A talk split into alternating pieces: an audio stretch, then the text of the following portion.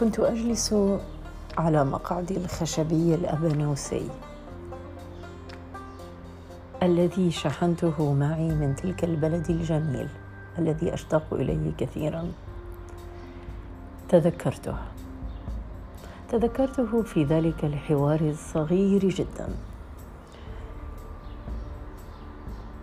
كنت أسير في سوق في بلد ما لا أتذكر إن كانت أوروبا أو كان مكان آخر. قلت له أردت أن أشتري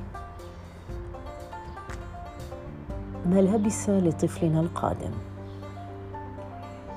قال لي الحمد لله أنك لم تشتريه. ففي عادات بلادي هذا يجلب الحظ السيء بأننا لن نتزوج. وبأننا لن ننجب في المستقبل. هلعت وحمدت الله.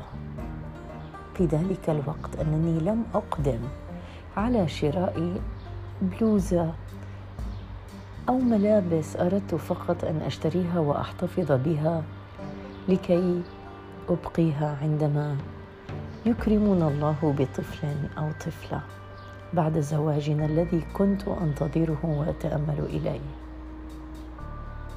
وفجاه وأنا أجلس على ذلك الكرسي. انهمرت الدموع بقوة كبيرة جدا.